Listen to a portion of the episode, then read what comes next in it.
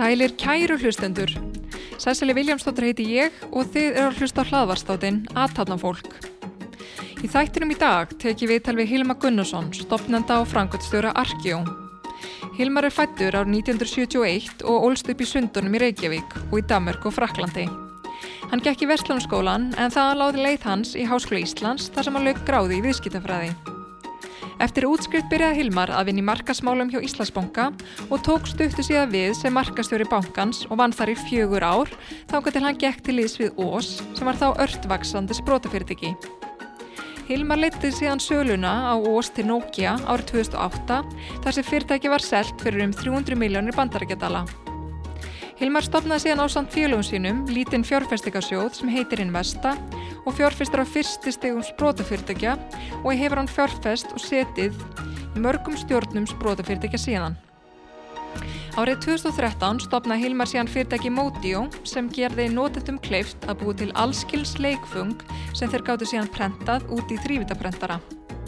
Eftir aðeins rúmlega ár seldi Hilmar síðan Modio til banderiska stórfyrirtækisins Autodesk sem er leiðandi á sviðið þrývitarhugbúnar.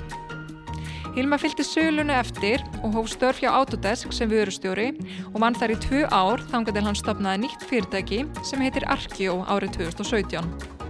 Arkjó eru hönnunahugbunar þar sem notendur geta hannað saman mannverki á spjaltölvum og síndaveruleika og með því geta séð hönnuna betur fyrir sér áður en mannverki eru byggð. Í dag fáum við að heyra sögu Hilmars.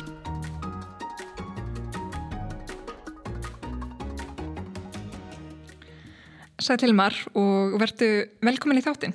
Takk hjá fyrir. Uh, ef við byrjum bara á byrjunni, uh, hvað ertu alveg upp?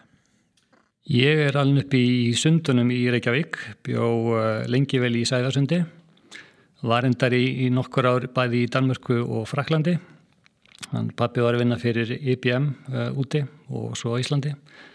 Þannig að hérna, þannig voru svona mín, mín uppvastar ár. Um, já. Já og er, ertu hérna alin upp við uh, tölfur mikið svona í gegnum pappaðin? Já, ég held að sjá þetta að segja það. Ég held að ég hef verið átt ára gammal ég fengið fyrstu tölvun í hús. Það var það Apple 2 tölva og ég myndi aldrei fyndi sko að hérna hann pappi kaupar hana og, hann þurfti að fara upp á beist til að kaupa sjónvarp sem að gekk við tölvuna og þarna var þetta bara með einhverja kassettur og setna disklingadrif og eitthvað svo leiðis en þetta voru mín fyrstu kynni í raun af tölvum og ég var þetta bæða að leika mér og svo prófa að forrita og fyrta og sjá hvað maður geti gert mm. En, en hérna hvernig uh, barð varstu? Varstu mikið innu við í tölvunni eða úti eða Ég held að ef við nú verið frekar svona rólegur sem batn en svona alltaf að pæli hlutum og fykta og prófa að gera hluti. Um, það, það engir mig kannski þessi svona eðlislega forvitin á því hvað mikið gert með tölvunum og með forvitin til dæmis. Uh, alltaf prófa að gera einhver svona litlar uppfinningar og fykta smá í tónlist og bara svona alls konar skemmtilegt en svo verið líka tölverkt í Íþróttum. Ég byrjaði að körfubólta þegar ég var hvað nýja, tíu ára og spilaði fyrst með íjar og svo með stjórnunni á setna árum, alveg fram til hvað 24-5 ára aldurs. Mm, akkurat. En hérna, uh, síðan ferðu þess að uh, leikuleiðin í, hérna, í Verslanarskóla Íslands og hérna þú eigðir þínum mentaskóla árum þar. Mm -hmm. Hérna, hvernig leiðir þar? Hvernig voru svona mentaskóla árin þín? Þau voru, voru þetta bara alveg ótrúlega góð. Um, þar kynntist ég konunum minni strax bara á, á eða fyrsta árið eftir fyrsta árið. Þannig að eh, ég og Dassa eru búin að vera núna saman fyrir að vera um 17 ára. Þannig að það þetta hafði þetta mikil hérna, áhrif á mann. Um, góður félagskapur um, já ég er bara gott, gott að þann tíma að segja. Ég var á þinn tíma strax uh, svona farin að vinna svona ákveð í líka tölvubransanum. Uh, setni partin svona þeim árum þá fór ég bara meira hérna, hætti í svona kannski vennilegri sumarvinnu og fór bara að búa til mitt eða fyrirtæki og búa til markmiðlurnulösnir og svona þannig að þetta er svona blanda námi uh, þetta komin í að kærustu íþróttum og svona já, skemmtilegi hliðavinnu Mm, akkurat, þannig að, að, þú, þú byrjar snemma í frumkvöldastarseminni. Já, þetta segja það. það. Ég, sko, ég byrjaði nú eða, já, ég byrjaði ungar að prófa að fóra þetta. Ég held ég við hérna, verið í sögmastarfi þegar ég var 13-14 ára við kenna í tölvurskóla sem þá hétt framsýn. Gerði eitthvað, hérna, eitthvað húbuna fyrir eitthvað upptökustúdíu og seldi það. Svo þarna þegar líður á Vestláður en þá ákveð ég semst að hætta svona að vinni sem hefðbunni sögmastarum og fer að búa til alls konar lausnir og fer að gera svona markmiðlunlausnir fyrir hérna, fyrirtæki, fyrir síningar, fyrir aðalfundi og svo leiðis og svo fór ég líka að búa til uh, hugbúnað fyrir fasteinarsölur það var mér kannski komið yfir á háskólárin sem að ég sérst, seldi hérna inn á sölu þar sem fólk gæti verið að, að brása egnir sem var á sölu, genið snertiskjái og fá markmiðlun og svona upplýsingar. Mm -hmm. Akkurat Og, og hérna síðan eftir Vestló þá ákvæða að fara í Háskóla Íslands í viðskiptafræði. Hérna, var eitthvað annað sem kom til greina eða var það bara viðskiptafræðin? Þetta er nefnilega góð spurning. Ég hef oft spurt með það því að hverju fór ekki í, í, í tölunumfræði um, en ég held einhvern veginn að ég var alltaf alveg ákveðni því bara runga aldrei að ég ætlaði að fara að búa til fyrirtæki það svona blundaði bara mjög lengi í mér. Ég ætti að byrja á því að vel árni byrjaði í, háskólum að búa til mitt fyrsta fyrirtæki. Þannig að uh, það sennilega hefur svona já, haft mjög mótandi ákverðun uh, semst hérna áhrif á mig. Uh, fer semst hérna í visskiptafræði og er svona með ákveðna ásla á markasfræði og, og fjármál. Um, en þetta er hérna eitthvað sem maður velti fyrir svo oft sko, hvað er maður hérna bara að fara í tölunafræðina hvað hefur þá gerst? Mm. Akkurát. En þú fannst þig bara hérna, vel aðna í hérna virketfræðinni? Já. Já. Og hérna, varstu góð námsmaður?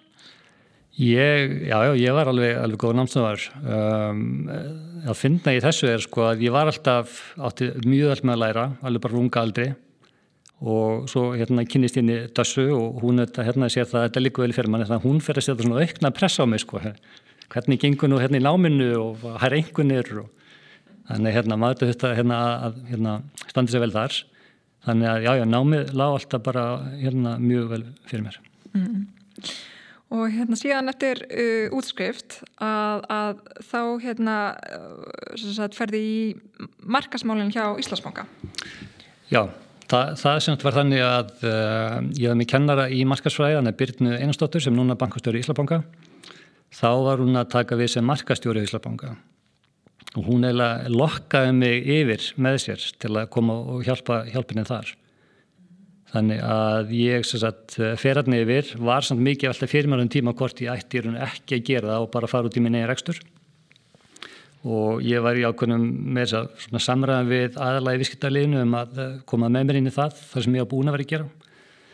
En ég ákvað bara að, að hérna, slá til og þetta myndur að vera góða skóli að fara að vinna með byrjunu, hún er alveg svakalur orkupolti og skemmtileg og ég veit að sé ekkit eftir því og það fyrsta sem ég fer úti þegar ég kemur þann til Íslandsbanka er í raun að koma að stað þá fyrsta heimabankanu sem er þá hérna lánsáð Íslandi.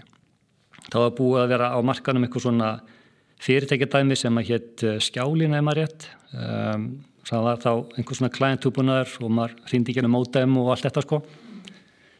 Og við breytum því yfir í, í heimabanka Íslandsbanka. Það var alveg fyrsta verkefni sem ég vannað. Mm, akkurat.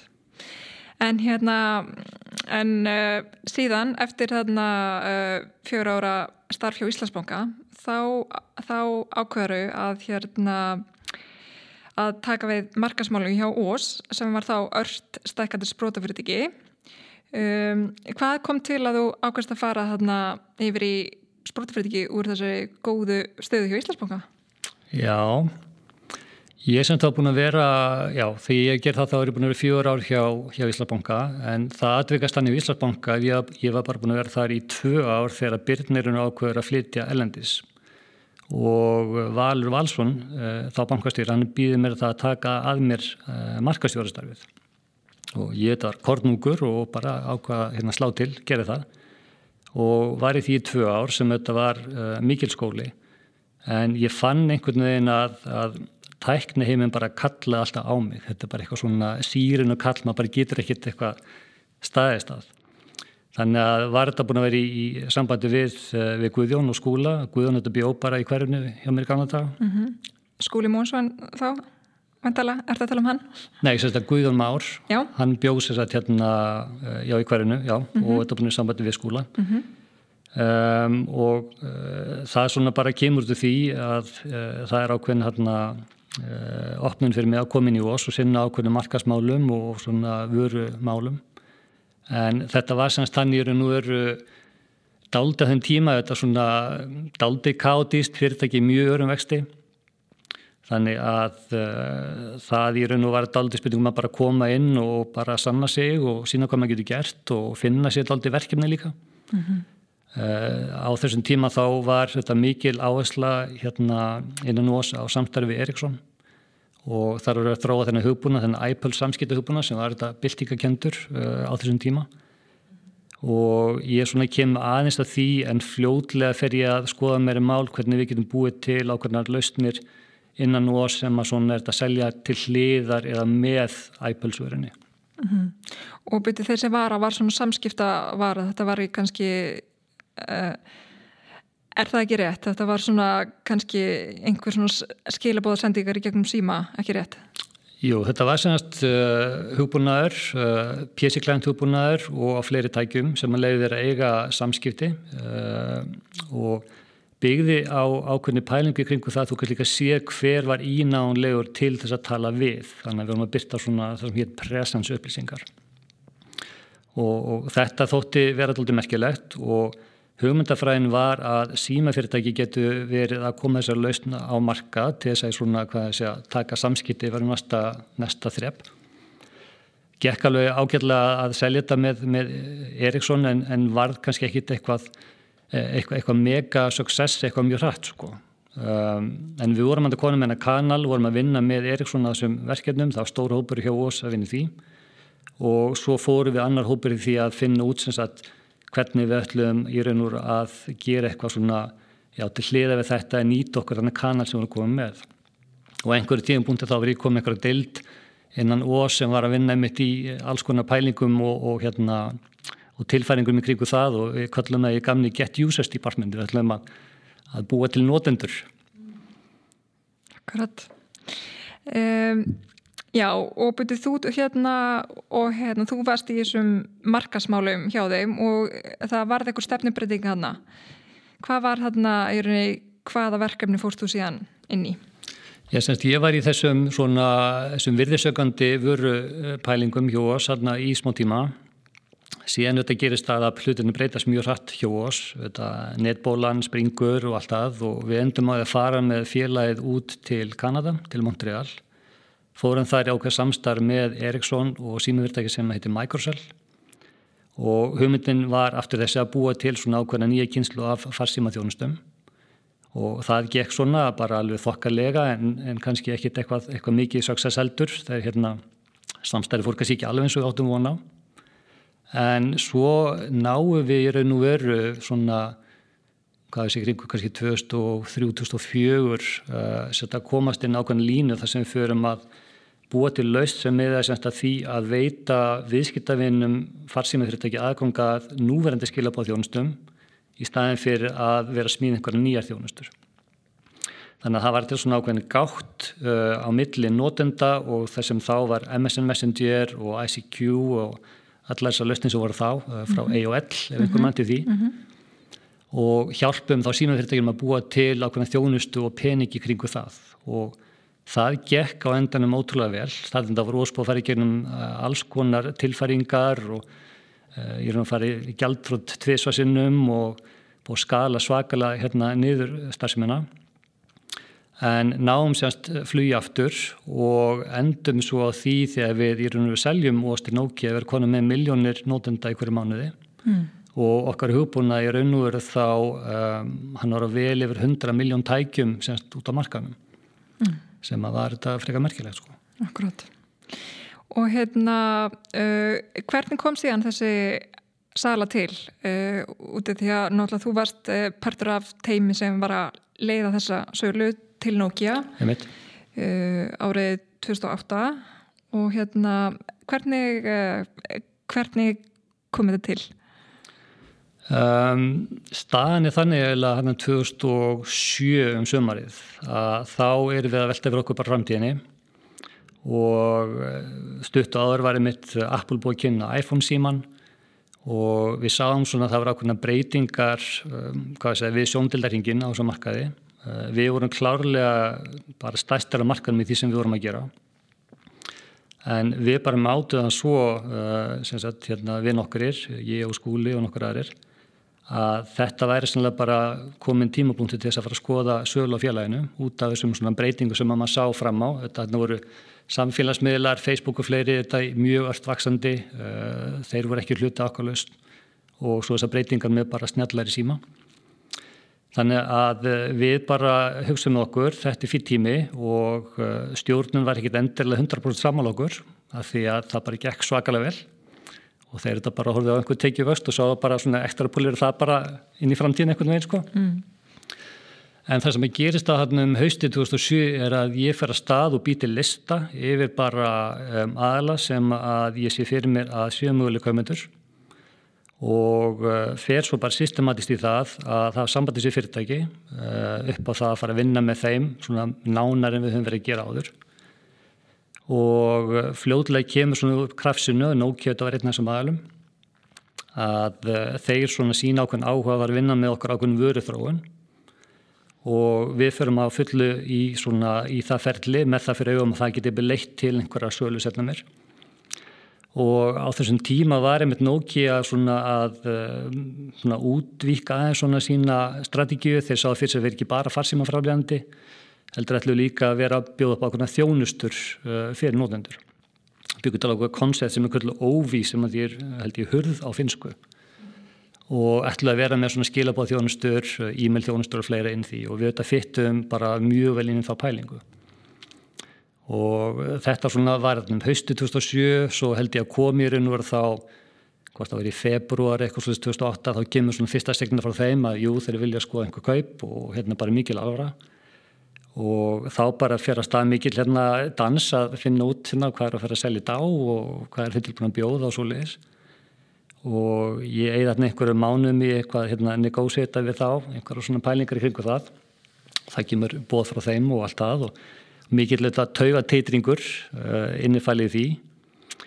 Uh, svo hérna gerist það uh, ég er nú hérna um vorið 2008 að það bara fyrir allt í stopp í þeim veruðum og ástæðan var fyrst og fremst svo að uh, þeir voru ákveðum deilum við fyrirtæki sem heitir Qualcomm sem er mjög stórt í, í chipsetum og við vorum ákveðna samninga við Qualcomm sem að gera verkum að bara Nokia gati ekki kipt okkur.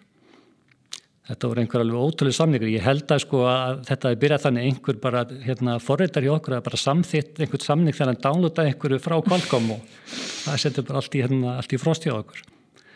Þannig að þá bara fer í, hérna, í gangu þetta svakalega pælingar, hvernig getur komist fram í þessu og hvað getur gert og struktúrið til með öðruvísu og eitthvað svo framvegs. En, en ekkert gengur nýra ykkur. Svo er það bara þannig að, hérna, að ég held að ég verið heima hjá mitt skúla hérna í Montreal og við vorum bara grillið eitthvað svo leis og þá bara hérna, sé ég bara frétt bara á hérna, símanum bara hérna, Qualcomm og Nokia bara leysa alla sín ágreiningsefni sko. Mm. Og svo bara fæst það símtalið frá hérna dílteiminu bara ok, back on track. Þannig að þetta var hérna, mikil rússipannareið og svo þetta, þegar þetta fer að stað þá þarf þetta að fara að semja og endalega hérna, kaupa og kjör og svo leiðis. Og það er mitt skemmtilegt hérna, þegar, að, þegar að það fór að stað aftur þá mættur með hérna, svaka teimi og fullta lögfræðingum allt í Montreal og við setjumst inn í eitthvað fundarherbyggi og það fyrsta sem þess að ég er, er við erum búin að komast að því að hérna, þetta er bara svona og svona og við þurfum að lækka hérna, verði um 40 miljón dólar. Og það áttu út af einhverjum hérna, skatta ástæðum eitthvað og flengd okkur bara með þessu fyrsta fundi sko. Mm. En þeir eru þetta mjög miklu reynsluboltar í þessu og hérna þetta við svona ákveðlega hvað voru að gera og svona spiluð aldrei með okkur þetta hérna litla hérna sæklusa fórnalampið. En við semst náum öndanum að klára, hérna, klára samningin og, hérna, og tilkynntum um þessa sölu bókstælega bara ég held að það hefur verið 15. september 2008 ég bara líka sama dag og líman bara fjalli eitthvað svo leiðis og það er alveg ótrúlegt svona eftir að hyggja að Nokia skulle hafa klára dílin út af því að bara heimurinn var að byrja að hrinja hérna í kringum okkur mm. og ég held að setja margs um það hvað svona hvað þeir fannst þeir verið í raun og veru ósigrandi að þeir bara segja að þú veist að sama hverju gerast hérna í fjármálaheiminum bara við ætlum að bara klára hennar díl og ekki láta áhrif á okkur sem þetta var bara frábært mm -hmm. Og þarna kom síðan stóra fjármála hrunið þannig og eftir þannig að þið voru kannski á háröðin tíma að ná að klára þessu sölu Já, við bara, við bara klárum þetta bara mínúti fyrir hrunni sko. Mm. Það var bókstaflega þannig og hérna uh, og svo hugsaði maður auðvitað þarna bjóðmórið í Montreal um, veist, hva, hvað gerist, ætlum við að fara núna að flytja heim í þetta hrun sem er í gangi og allt það. En uh, við sem sagt vorum búin að ákvaða fyrir tölvöru síðan við, við, við DASA að, að flytja til Íslands, vorum búin að vera á leið heim til Íslands alveg í eitt ár. Og það var bara hluti sem það bara mínu samkvæmlega við Nokia, ég gæti bara flutt heim strax, þetta ekki vera áfram sem hluti af, af, af dílum. Mm, akkurat og hérna þetta var kannski svona uh, heflegur tími fyrir fólk sem var kannski búin að selja fyrirtæki Erlendis að koma heim, Já, það voru hérna er hún kannski svona alls konar fjárfæstikakostur í búiði mm -hmm. rétt eftir hún en um, En hérna, þegar þú snýr þeim, þá ákveður að stopna lítinn uh, fjárfyrstikasjóð með hérna félagunum uh, sem heitir uh, Investa og fjárfyrstir hérna í fyrstu stegum hérna í fjármögnum hérna sprótafyrirtækja. Uh, hvað kom til að þú ákveðst að stopna Investa? Eftir að ég sést flytt heim að þá uh, fer maður alltaf fyrir sér, ok, hvað er maður að gera núna? ekki en maður sittast í helgan stein bara kornungumæðurinn þannig að ég fór bara að, að, að skoða hvaða tækifæri var í stöðunni og uh, var þetta búin að vera pælans í með nokkrum bara mínu félögum þannig að, uh, ég og Halli Þorkelsson og Jói Sig sem að uh, þetta þekkti mjög vel til og hefur verið hjá Ós og, og út í Montreal uh, ákveðum að setja stof á stað þennan sjóð investa til að hjálpast í sporta fyrirtækjum og ákveðum að gera það bara með okkar einn peningum, þannig fengum enga aðra til þess með okkur og byrjum bara svona skoðaðins landslæð og sjá hver við getum komið að hjálpa til uh, og svona, já, gerð svona líka eitthvað eins fyrir umhverfið. Það er kannski ákveðin leið til að, til að koma inn í þetta raun og, og láta kannski líka smá gott á sér leiða. Mm -hmm, akkurat. Og hérna, Hvernig, uh, hvernig hefur þín reynsla verið uh, að hérna, bæði fjárfæsta svona snemma í íslenskum hérna, sportverðingum og, og, og svo náttúrulega hérna setja í stjórnum hérna, sportverðinga? Sko, ég held að reynsluna hefur bara verið mjög, mjög góð. Um, það er alveg ótrúlegt að þú pælir í það á svo litla land okkar hvað er mikið af flottu fólki uh, sem er að gera flotta hluti. Það er alveg bara alveg magnað og Íslendingar einhvern veginn hafa Eh, já, þetta er aldrei svona vikingaðil í sér að vera bara alltaf órættir og, og vaða áfram. Þannig að það var bara mjög skemmtilegt. Eh, ég auðvitað og við vorum svona tíma auðvitað svona mjög svona óhartnæri fjárfestar, vorum að gera þannig síðan fyrsta skipti. Eh, þannig eflaust gerum við þetta margt, margt ránt og margt rétt, það er bara svo það er. En ég var hérna einhverjum tíðan búin komið segast í raun og veru þá alveg einhverja 5-6 stjórnir og var bara svona hjálpað til. Eh, hjá þessum hinmásum félögum og uh, finn svona samt það að þetta er kannski ekki alveg það sem ég, ég vil verið gera ég sá ekki fyrir mér alveg verið þessi svona þessi, þessi VC týpa einhvers um, við vorum hérna búin að vera gerðið nokkur ár og þá vorum við alveg með pælingur um að fara að stað með svona meir alvöru VC sjóð og við vorum þess að konur í ákvæmna samræður við stóra aðla markanum að, að gera það með okkur. En, en í raun og veru hættum við það bara á sístu tundu að því ákveð bara að fara til það að stopna mitt eigið félag. Og hérna, já, og þeim fannst þetta aldrei skrítið þessum, þessum aðlum sem vorum í samræðu við en, en enga síðan, þarna bara lág hjarta frekar að hérna, gera eitthvað, eitthvað skemmtilegt sjálfur heldur en að fara út í að stofna fjárhustíðasjóta. Mm -hmm.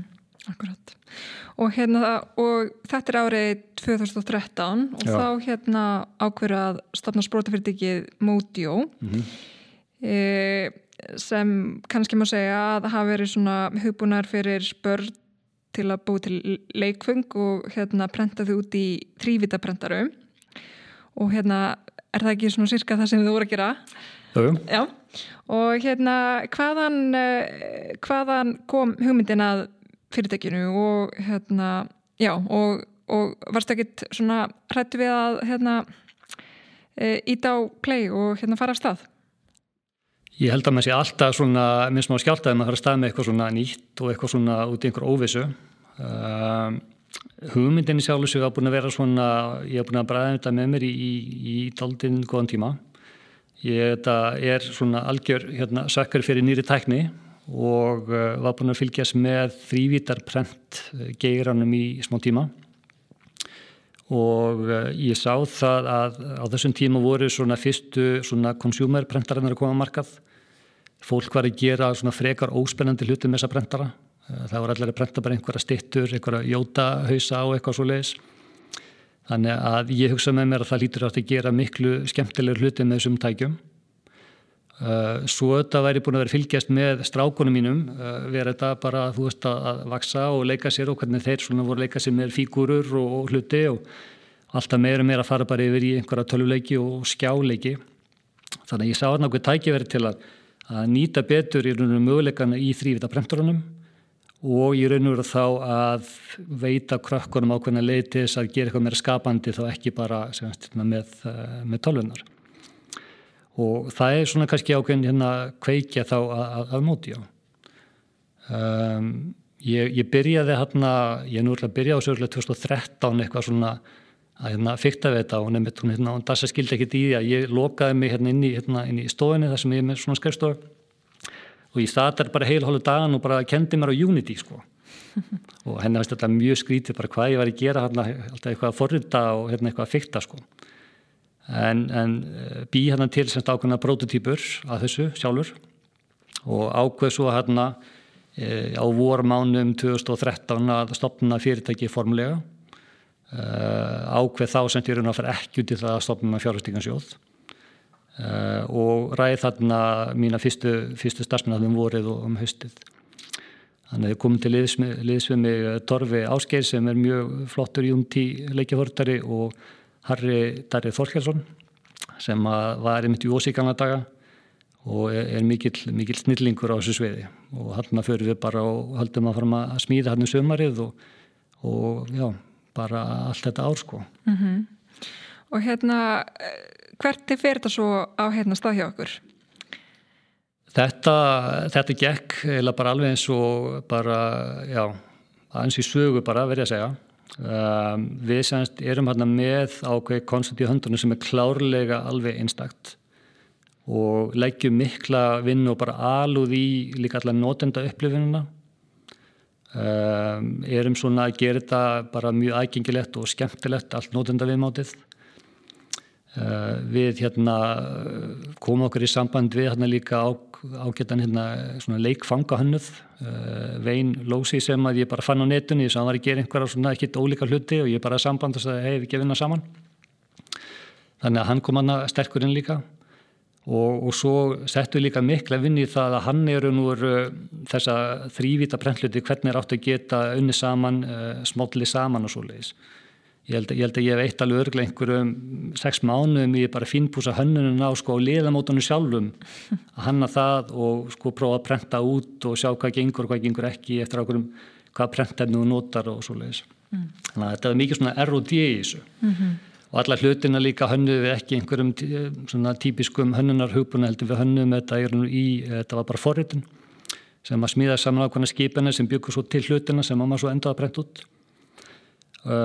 svo var það í raun og svona bilt ekki nýjus að sko þegar að, að krakkarnir og þetta voru endur ekki bara krakkars nótöðu þetta var fólk á öllum aldra á endanum að þegar þú spúin að hanna einhverjar fíkurur í appinu og þú kannst eitthvað verið leikar með þar og tóka til og tegja og svo leiðis að þú ætlar að fara að prenta út uh, þessa fíkuru þá byggum við til í raun og prent upplýsingar skipanir fyrir því þetta prentarana það sem við fjækst bara ákveðna skrár út þar sem við búum ræðullu niður sko á prentplutunar á prenturunum þannig að sé eins einfald og mögult er að prenta þetta út og við gengum þess að svo langt að passa upp á það allt það sem þú býr til í appinu prentast út í rauninu án þess að það þurfi svo, svona hjálpar efni til þess að láta það haldast á prentblötunni eða standa upprétti eitthvað svo leiðis. Þetta voru mikla bælingar. Um, já, það bara hérna gekk mjög vel og, og svo gerist það hérna mæ 2014 þá fyrir við með þetta hérna í loftið og gerum þá síningu úti í eh, Kaliforníu í San Francisco sem heitir Maker Fair. Voru þær nokkra daga. Og þar hérna þetta aldrei komist, við vorum hérna með ákveðin bás og hérna Autodesk var hérna með bás rétt hjá okkur. Og það var svona stríðist draumar af fólki frá þeim yfirtalokkar að skoða hvað erum að gera. Og ég grýpa hérna líka fórstjóran hérna Karl Bass sem hann þá var og sínunum þetta og, og hérna hann er volað spenntu fyrir þessu og svo fyrir við partí um kvöldið hjá Autodesk eh, sem ég heldi til hann að Makerfair og þar aftur gefið að tala við hann Karl Bass og hann bara kynnið mig bara hérna fyrir einum manni og, og sá maður bara þegar hann sér þetta segja bara, ég, bara, ég vil bara kaupa þetta. Og þarna er eiginlega reyni ár liðið hérna síðan þú, þú stofnaði fyrirtæki eða svona rúmlega ár. Já bara það hefur bara verið akkurat árið eitthvað svo lið sko akkurat og, og, og þarna hefst þessi vegferð mm -hmm. uh, þessi sölu vegferð á akkurat mútjú til hérna Autodesk uh, getur okkur síðan hérna, getur svo sagt okkur hvað gerist næst? Sko það sem að ferast að þarna er, er ferli sem er svona, já, maður hugst alltaf til líka ferli sem við, Nokia sko en það ferast að hérna ákveðin prósess þar sem að, að uh, í þessu sem að partí er þá bara erum við hérna líka við læstirinn í Herbergi og það bara koma bara fleiri, fleiri mennin og er bara eitthvað pumpa okkur um hvað erum að gera og, hérna, og þeir kannar hafa mikið hérna, áhuga á þessu. Og, og þá hérna fyrir að stað svona ákveðna samningsumlitanir þetta verður ekki að ljós hvort þau myndu enda, endilega að kaupa þetta, það er líka hérna í myndin ég myndi að læsa þetta eitthvað svo leiðis þarna á þessum tíma var Autodesk eh, í mikilli hérna uh, svona uh, já, á fullu í því að búið til ákveð svona consumer markað Eh, sem er ekki endilega þettir fyrir svona sögulega séð og voru með lausnir semst í því og við fyttum klárlega mjög vel inn í alla þær pælingar. Þannig að yfir sömarið þá, þá höldum við áfram að ræða málið og þeir koma með svona ákveði hérna, verðtilbóð sem ég gæti ómögulega sett mig við. Eh, þannig að við bara hættum þeim viðræðum ákveðni stíi og bara allt í góðu. Og svo þarna aðeins síðar þá svona Eh, að því við erum alltaf í sambandi þá svona ljósjúju og þeir hafa nú kannski alveg áhuga að borga eitthvað meira og séðan þá spendir. Þannig á endanum að þá hérna, náðu saman um ákveðna, ákveðna tölu sem að bara meikaði sens.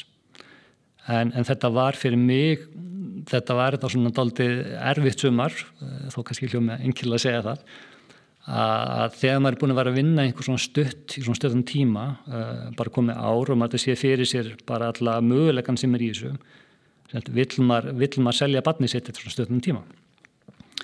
Og, og ég alveg hérna engdist með þetta bara fram og tilbaka og hérna hvað maður eftir náttúrulega gerir í þessu en, en ákveða undanum að slá til út af því að ég sá bara fyrir mér að það verður bara einhvern tækifærði að vinna í þessu, eh, að þessu með Autodesk. Og svo þetta veit maður aldrei, þú veist, hvað er í hendi. Stundum er gott að taka það sem er í hendi en ekki einhverja, einhverja óvisa framtíð. En það held ég eftir að hugja var þetta alveg 100% rétt ákvörðun. Uh, en við sem hérna klárum dílinn við þá hérna í í raun og veru já, oktober 2008 eitthvað svo leiðis þetta, þetta er sennilega eitt svona allra snegsta exit í Íslandsvöginni Já, akkurat, ég myndi að halda það sko.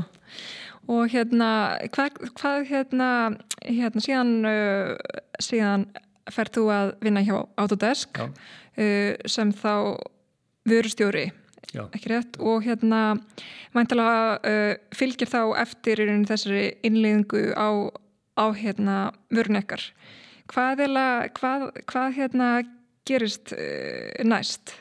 Hérna, hvað verður um móti og innan Autodesk? Við semst byrjum á því bara að skilgarina hvernig móti og passar inn í Autodesk. Uh, fyrir maður staðum ákveðið svona rebrandingferðli um, þannig að þetta var að endurna kalla Tinkerplay. Uh, setjum að stærunru ákveðna vöruþrónaferli komið nýja útgáfu af appin á markað bara starra, betra og allt uh, og því að bara mjög vel tekið.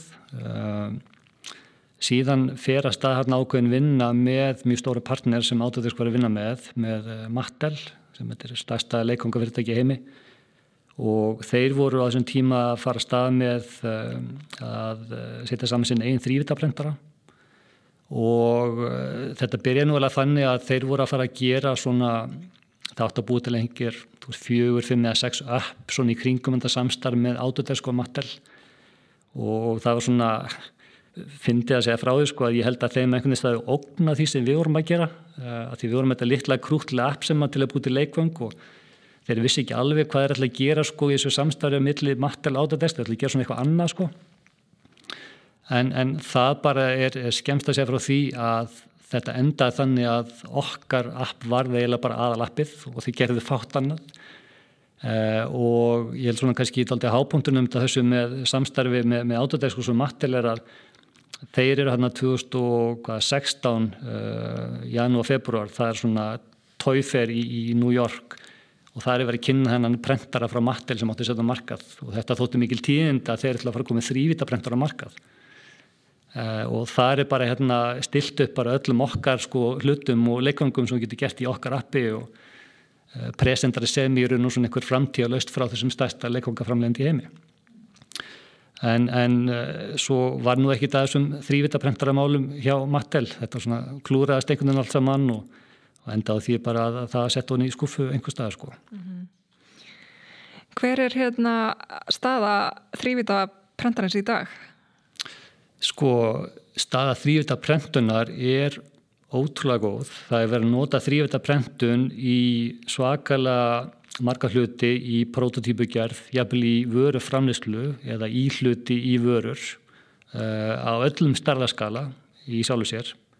En það sem er ekki gengið eftir er þessi heimanótkun á þrýjöldabrendarinn og það er það sem við vorum að veðja á þegar við fórum að stæða með móti þess að þetta eftir á hyggja þetta var þetta rétt ákvörðum til að selja um, ég er alveg vissum að það mun koma því að þrýjöldabrendarar í einhverju mynd munu komin á heimili en það verður kannski ennþá langt í það, þetta er ennþá bara of, of flókið verður að segja. En sko því að prentun uh, per se er alveg blúsandi siklingu, bæði sem þeir sem eru búið til einstakar prentara til að selja eða sem þjónustu fyrirtæki sem eru með prentara og þú getur bara panta hjá um útprentanir. Gæðin eru bara orðin alveg ótrúlega og efni sem getur unni með eru bara alveg magnu sko. Mm -hmm. Er ekki svo uh, hérna framtíðin kannski að við, að við getum farið að prenta hús? Það er byrjað á því. Já. Það er mitt byrjað að, hérna, að prófa sér áfram með það að vera með svona algjörða steinstöpu brentara um, og það er algjörlega það. Það verður meiri sjálfvirknið í því að búa til byggingar klálega og eitthvað samblanda einhverjum halgjörum þrýjötabrenturum eða drónum sem að setja hluti saman eitthvað því manna þetta verður eitthvað brjála sko. Mm -hmm. Akkurat. En hérna Þú varst að vinna þarna hjá Autodesk sem er náttúrulega leiðandi teknifyrirtæki í hérna, þrývitar hugbúnaði. Uh, hvernig fannst þér að vinna þar? Uh, Autodesk er mjög merkileg fyrirtæki. Þetta er alveg gífulega stórt fyrirtæki. Allir þegar við vorum hérna, þetta hefur ekki kringum 8.000 starfsmenni eitthvað svo leiðis og þeir voru þá með einhverja tveikja miljardar veldu á, á hverja ári og eitthvað. Þetta er bara, bara risinn á sem markaði. Um, ég, ég satt þetta að segja að hluti af ástæðan fyrir ég var alltaf hikandi við það að selja móti og var ég á búin að lofa sjálfur mér því eftir hluti til Íslands að ég ætlaði aldrei að vinna fyrir aftunum að sjálfa mér. Og þarna sagði fram á bara að brjóta það, það prinsið bara strax sko mér leið svona aðeins framan af eins og þetta væri mjög heftandi að vera komin í þetta umhverfi.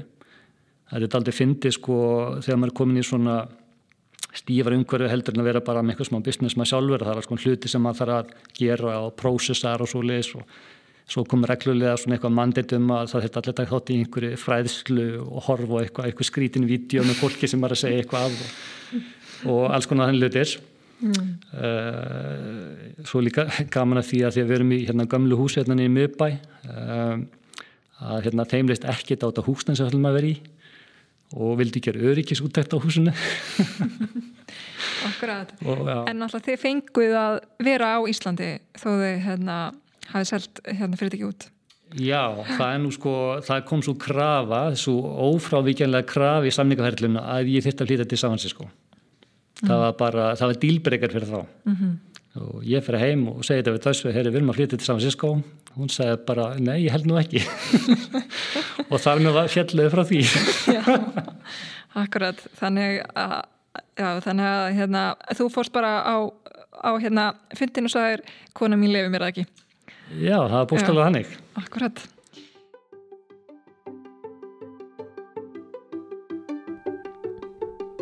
Nú ger ég stuðli á þættunum því ég er með smá skilabóð. Taland um þrývítaprentara. Mikið var nú cool ef ég var að drekka kaffi frá kaffetár úr botla sem varu prentar úr þrývítaprentara. Ég var í pottit að drekka morgundi á kaffið eða kannski kvöldróða. Já, þú gískar rétt, kaffetár er einn af kosturnalum þáttarins. Ekki má gleima vinu mínu hjá Vís sem einnig eru kostunalar en ég mælu með að kíkja á vís.is og kaupa þar fallegar öryggisvörur. Þetta eru venilega tvö orð sem fara ekki saman, það er fallegt og öryggisvörur, en í þessu tilfelli er þetta að kaupa smarta regnskennera og slökkutæki og hafa það uppi við en ekki fæliðin í geimslu. Svo varum mér þess að hægt að hanna herbyggið í Arkjó. Úf, heyrður hvað ég gerði þarna? Búin að tengja saman viðtalið og kostunarskilabóð. Það ætti að geta bara fært markasfólk gert. Jæja, snúum okkur aftur af viðtalinu. Uh, en hérna síðan ákveður að hætta að vinna hjá Autodesk árið 2017 uh, hérna, hérna af hverju ákveðst að hætta og hérna, en, og hérna fannst þér þú svona taka samt eitthvað nýtt úr þessu starfi, eitthvað sem þú hafðir svona lært þarna? Ég saði við Autodesk þegar ég seldi þeim. Mm. ég held að það verið 14. oktober eitthvað slúðist 2016 ég sagði ég lofa að vera í hjá okkur í tvö ár og ég stóð við það bara dag, ég hætti tvei mann setna um, og það voru bara allir sattur við það. Um, þegar ég eru nú eru hættið þarna að þá þetta fyrir maður að velta við sér hvað þú veist hvað gerist næst. Og ég hef búin að vera gangað með okkur pælingar í, í, í maðunum um hvað mér langar til að gera næst og, og hellum er eða bara út í það bara já bara strax. Og það er kannski eftir að hyggja hefur nú verið skynsalegt að taka sér eitthvað smá tíma hann á milli en maður bara, maður er ungur og vittlis og bara viður áfram mm -hmm. og hérna þá ferðu á stað með nýtt fyrirtæki eh, Arkjó eh, sem er hugbúnaður fyrir arkitekta til að hanna saman eh, mannverki með hjálp eh, síndarveruleika og, og annara tölva eh, hvað kom eiginlega til að þú ákvæmst að fara hérna aftur stað og, og hvaðan kom þessi hugmynd? Já, stórti spurt. Um, í fyrsta lagi þá hefur við alltaf haft mikið áhuga á, á arkitektur og búin að pæla mikið því. Við erum búin að vera að taka nokkur húsi í gegningunum tíðina og ég hef alltaf teiknað upp í þrývít og geta svona labbaði gegnum þau fyrirfram og svo leiðis. Þannig að bara mikið náðurlega sem snýra arkitektur Uh, líka mikinn áhuga því sem snýra síndarvöldleika ég held ég að prófa fyrstu þannig græðan því að einhver strák polli einhver síning í löðarsöll sem að fóra upp á svona einhver stall og setja einhver svona mjög stór og hérna klunanleik lera á sig og það fyrir maður svona smá nasa þegar það þessu. En, en ég sá bara sá bara fyrir mér að síndarvöldleiki það geta aðtona sig uh, inn í svona heimum í staðin fyrir alltaf að horfa á einhvern skjá bara hlita að vera framtíðin í öllu sem að snýr að já, bara hverskins hönnun. Þannig að hérna svo er tækifæri uh, til að blanda saman þá þessum áhuga mínum á arkitektúr um, og svo annars verða þessari síndaröðleika tækni og bara óbeinandi trúa því að þetta væri eitthvað sem að myndi geta skapa bara já, ný vinnuflæði fyrir það sem á áhuga, áhuga þessu.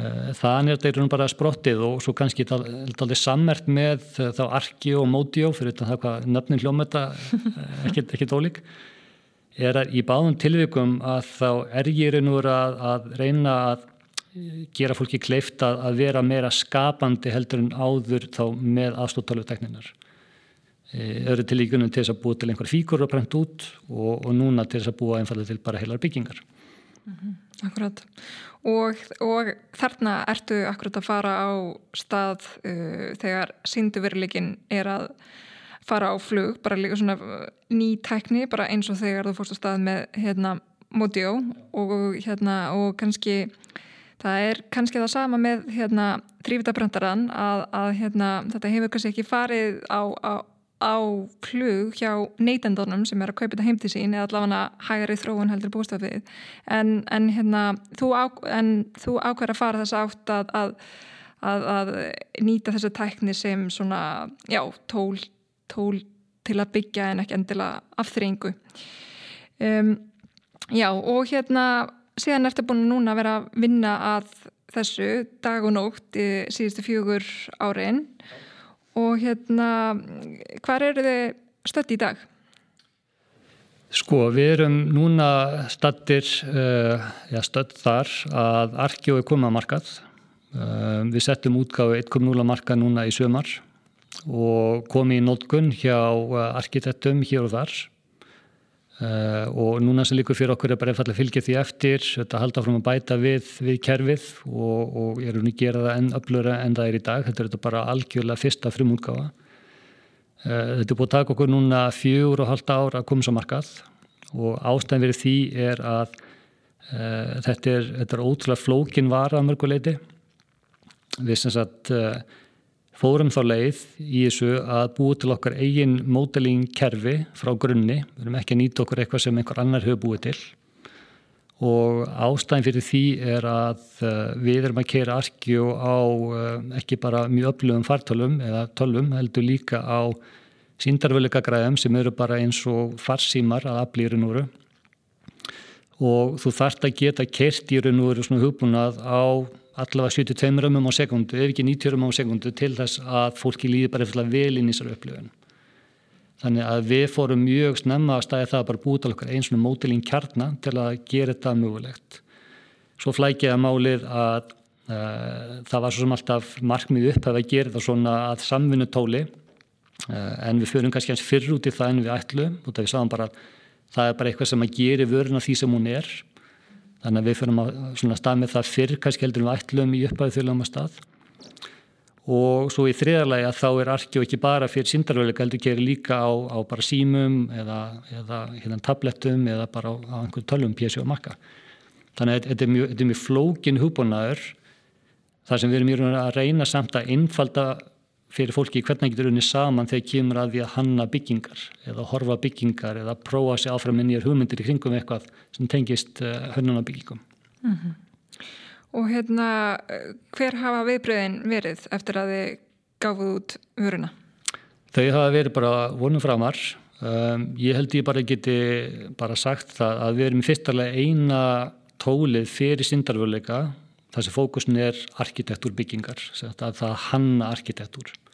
Það er til hugbúnaður og hefur verið til einhver tíma sem leifir að taka þrývitamódel og setja inn í syndarvöleika og lappa í gegnum byggingarnar. En við sem erum fyrsta hönnunatólið þar sem við getum skapað byggingar frá grunni inn í síndaröðu líka og, og fólk er alveg svona að byrja að, að átta sig á því. Svo settum við aftur eins og í móti og settum við mikla vinnu í viðmótshönnununa ég, ég hugsa að ég hef búið til svona 30-40 prototýpur af viðmótinu uh, í Arkeo og, og bara fyrstu, gott er ekki fyrstu tvö árin var ég meira að minna bara í því að hakka saman einhverja nýja prototýpur þar og prófum áfram um hvað, bara, hvað virkaði. Og það er líka alveg já, tekið eftir því að það þykist að hefnast frekar vel. Þannig að þetta er einhvern veginn bara að, að smetla mjög vel saman. Svo er það þannig að sko síndarveruleika gerin sjálfur að sko þegar við fyrir manna stað þá er uh, Oculus sem að Facebook endur svo að kaupa þeir eru komin að stað uh, með sín glirögu Eh, fólk auðvitað svona áttu vona því kjölfaraði að Facebook eh, kaupi þá og það er mikla vendingar um hvað minni gerast bara með söl og svona glerum eh, þetta eins og oft, oft vil verða að fólk svona það, það, það vanmeti svo langan tíma svona hluti geta tekið. Og fyrir vikið þá einhvern veginn finnst fólki eins og einhverja vendingar gangi ekki eftir. Þess að vendingarna voru bara brjálæri til að byrja með En, en það er þannig núna að eftir að Facebook kom að markað með Oculus Quest 2 glerugun fyrir ári síðan að þá gengur þeim alveg ótrúlega vel að selja. Uh, þetta er núna fyrir þá sem er að búa til leikjóna kontentir að vera bara mjög sustainable markaður og það er ótrúlega hrjöð þróun í öllu því sem kemur að þessum glerum í dag. Bara nú í þessu mánu þá er ekki kynna vantalengur þrjú eða, eða allir ekki færð ný gleru á markað þannig að það er alveg gífurlega hrjöð þróun eh, í þessu í dag. Mm -hmm. En hérna, hver hefur helsta áskurunin verið með, hérna, með Arkjó? Ég held að helsta áskurunin sé uh, einfallega bara að finna, já, finna þetta upp í raun frá grunni. Sko. Þetta, þetta hefur aldrei verið gert aður. Uh, þannig að það er búin að taka mikinn tíma og það er samblanda öllu sem ég tala um á hann sem ákveðsum er einhvern tæki við erum búin til okkar einn mótilingkerfi sem þarf að vera miklu hraðvirkar en það sem til að markanum í dag. Og bara finna upp uh, hvernig þetta að virka í, í VR uh, það er ekkit, einfalt. Og að blanda þessu saman og sama tíma verður líka að vinna þá með þessu svona arkitektúr, svona design community, fá feedback frá þeim, fýta það inn í, í vöruþróunar lúpuna að það er búið að hérna, já, vera mjög, mjög snúið og flókið sko. En við erum búin að vera að vinna semst, með aðlum ellendis að þessu í langan tíma og höfum verið að fá uh, feedback allir vingi byrjaði að sína fyrstu alfótgáðuna já, undir lók árs 2017 við erum vel að stopnum félagi formlega hérna um, um voru 2017 og strax hérna í november erum við á síningu að sína fyrst útgáfu og það er bara markvist eh, til þess að byrja bara að fá feedback bara eins, eh, eins nefn á mögulegt er.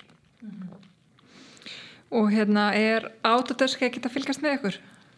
Uh, þeir eru ekki að það, við þekkjum það mjög vel og þetta erum í, hérna, í viðræðum við þá um alls konar samstarf. Við erum búin að tengja arki og inn í þeirra kerfi þannig að þú getur að vinna í þeirra kerfum til dæmis Autodesk Revit sem er svona stærsta kerfið á þessu sviði og getur tekið mótil það beint inn í arki og þú getur breytt og bætt inn í arki og sendt beint aftur inn í revit.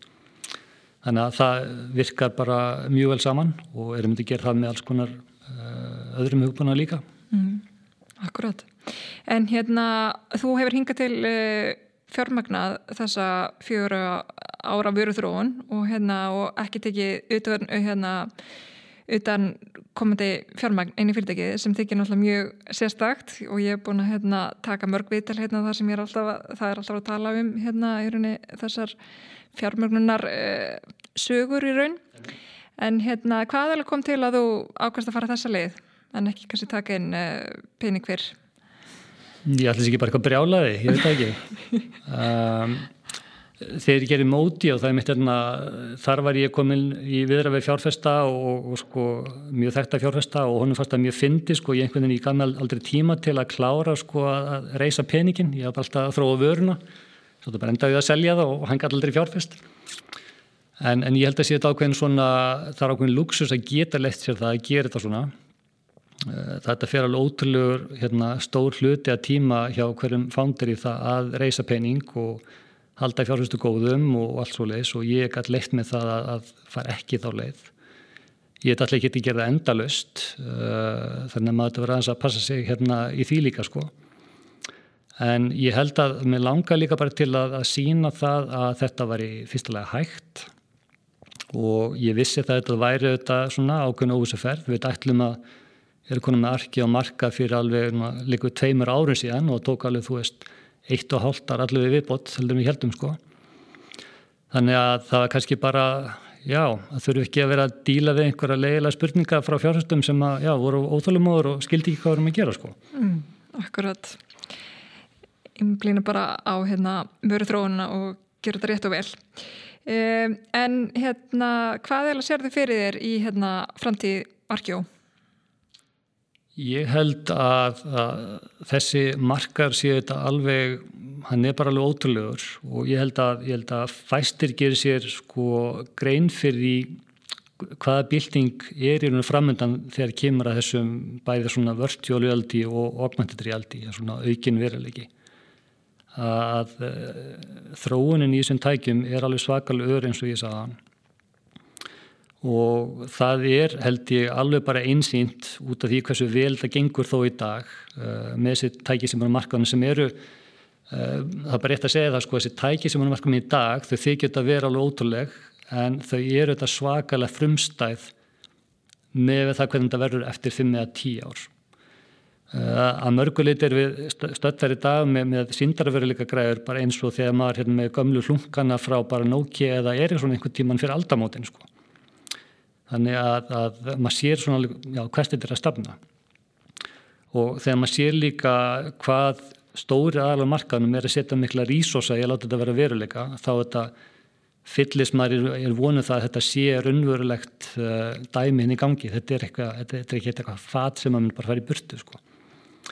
uh, Facebook til dæmis er með, ég held að séum 20% af þeirra uh, starfsfólki að vinna að þessum málum og þeir kom út núna fyrir einhverju mánuðu síðan og sögðu bara það sem kallast the metaverse. Þetta er bara framtíð Facebook. Bara Sökkuberg bara segir þetta ofinmilla uh, það er alveg vitað að Apple er að vinna að þessu líka alveg á fullu. Uh, búin að gera það í mörg ár og eða miljörðum dollari þá þróun. Uh, ætla sér að koma með eitthvað gott útspil á næst árum eða það getur ekki fimm ár, það veit enginn með Apple. Og svo er ymsir aðri alveg markan sem er að gera mjög, mjög flotta hluti Þannig að ég held að, að, sérst, að það að, að vinna með tölfur muni að einhverju marki, þetta ekki að öllu, færast frá því að vera að horfa einhverja litla skjái, yfir að vinna með gögn og upplýsingar og skemmtefni og hönnun hvers konar bara í rýminni í kringu sig. Og það er kannski það sem er svo merkjald við, við Arkjó er að þetta er fyrstu hugbúnaðurinn sem er til, það sem við getum bókstallega staðið inn í byggingu á meðan þú hannar hann í kringu þig.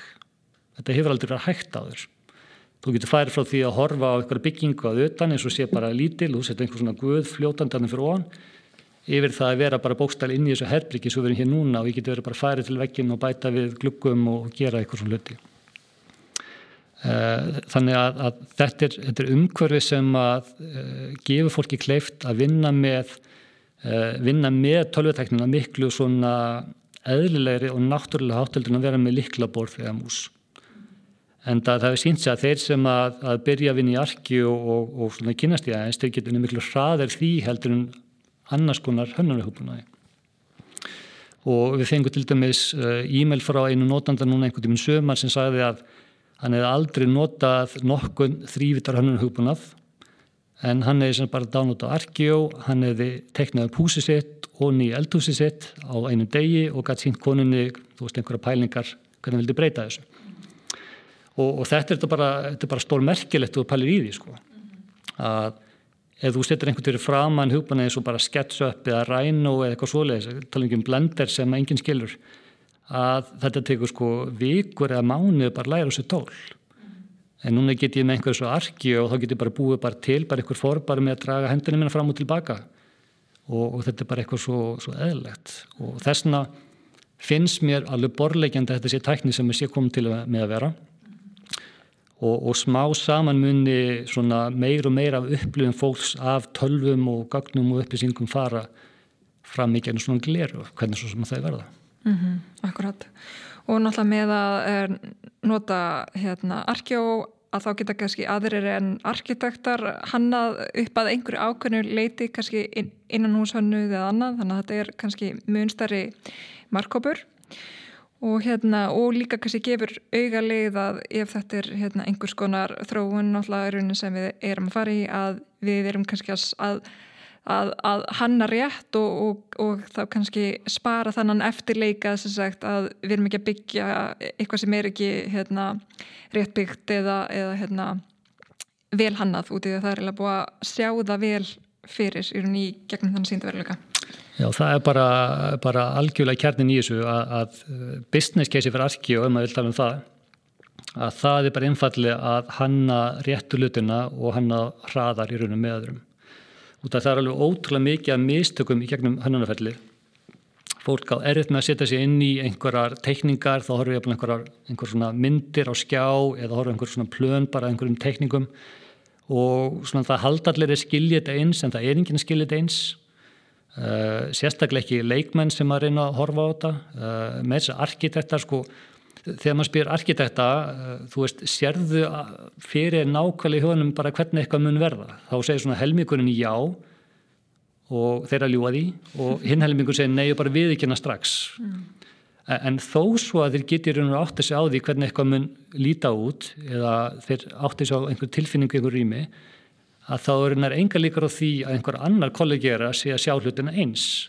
Og það sá þar líka setja sig einhvern veginn nýtt og varpa sér inn í einhverja teikningu Þannig, þannig að það geta verið í þessu svona, í svona síndarveruleika og bara staði inn í svona rými og átta sig á því og gera breytingar eins og maður síðar önverulegar. Þetta er eitthvað svona, þetta er bara augljóst að þetta er betra. Og, og að því erum að tala um þrývitabrendar náðan, að þá er mitt er þrývitabrendtæknin notuð fyrir alls konar prototípugerð, ég er prototýpar af, af reyðfjólahjálmum eða glasi eða einhverju svo leiðis en þú getur ekki búið til þrývitar prent af húsi allavega svona 1 og 3 þannig að það er enginn ennum leið til þess að upplifa þessar byggingar á þeirra gerðar öðru sem að nota svona gleru og ég verð að segja það að mér finnst alveg finnst ótrúlegt að ennþá sé fari í stóra framkandir uh, á Íslandi og annars stæði heiminum. Það var bara nýja landsbyttal sem dæmi. Að þarna verið byggja svakalegt uh, mannriki og það er enginn búin að gera kröfum með það að lappi í gegnum spítalan áður en að byrja að byggja bara hversu fáralt er það? Þarna eftir þetta verkkaupin að bara kreyfast þess að geta lappað eftir einhverjum einstakangi skoðinni hver bara einustu bara stofu áður en að byrja það á fyrstu skopluslungu og það hefur sínt sig að eitt stærsti kostnæðaliðurinn er mitt við svona segja, byggingar óþarfi kostnæðarlegin er allar þessar breytingar sem er farið út í eftir jafnvel að byrja það á framkvæmdum. Og þessar tölur hlaupa á, þú veist, jafnvel 20% í heldar kostnæðaráðlinni þannig að það er að spara mikinn penning með mjög lítili fyriröfn og einum glerum sem kostar kannski 50 skall. Mm -hmm, Akkurat, en hérna þú komst aðeins inn á viðskiptaliðana áman hjá okkur. Hérna, hvað er ykkar svona viðskiptamótil eða tekjumótil? Við semst erum með módel sem er byggt á því að við erum með bæði ókipis, uh, svona takmarka útgáðu af Arkjó sem hver sem við getum notað. Og svo erum við með Pro og Enterprise plan sem er þá byggt á ákveðnum svona verði per mánuð, þú borgar 55 dólar á mánuði eða 85 dólar á mánuði.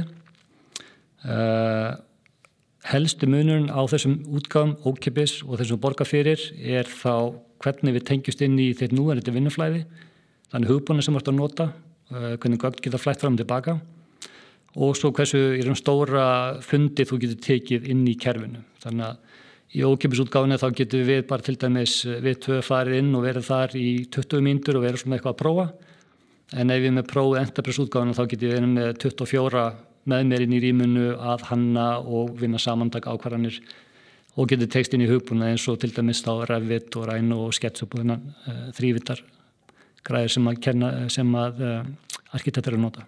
Mm. Mjög spennandi, það varur gaman að fylgjast með arkjó í, í framtíðinni. En hérna, hvað eiginlega gerur þú svona hérna, til að halda þér persónulega alltaf við í, í þínum geira og, og, og svona vaksa sem uh, frumkvöld og, og kannski mannskja líka? Stórtið spurt. Wow. Já. Ég... Uh, Ég verði áta það að þegar ég fer að stæða eitthvað svona verkefni eins og Arki og að þá er ég bara aldrei all-in í því. Uh, fyrir mér er þetta likvið ekki eins og vinna. Þetta er bara, þetta er vinna og áhagamál. Uh, mitt svona helsta áhagamál fyrir utan bara svona, svona einhverja almenna hluti er að fylgjast með bara tölvum og tekni og lesa um það og kynna mér og pæli því. Ég, ég, ég les til dæmis eiginlega engar businessbækur, ég les bara vísindarskálsugur það, það er svona það sem ég les, ég er nenni ekki einu. Mm. þannig að bara alltaf að pæla í, já, í framtíðinu og hvað er hægt að gera. Eh, það er það sem ég er svona já, er mitt helst áhuga mál getur satt. Hljóma kannski skrítið, ég veit ekki. Nei, það er bara mjög heppilegt að þú sérst að vinna við áhuga málið Já En hérna, en svona að lókum, hérna, ef þú lítur yfir uh, fyrirlin, uh, hverju ertu stoltastur af?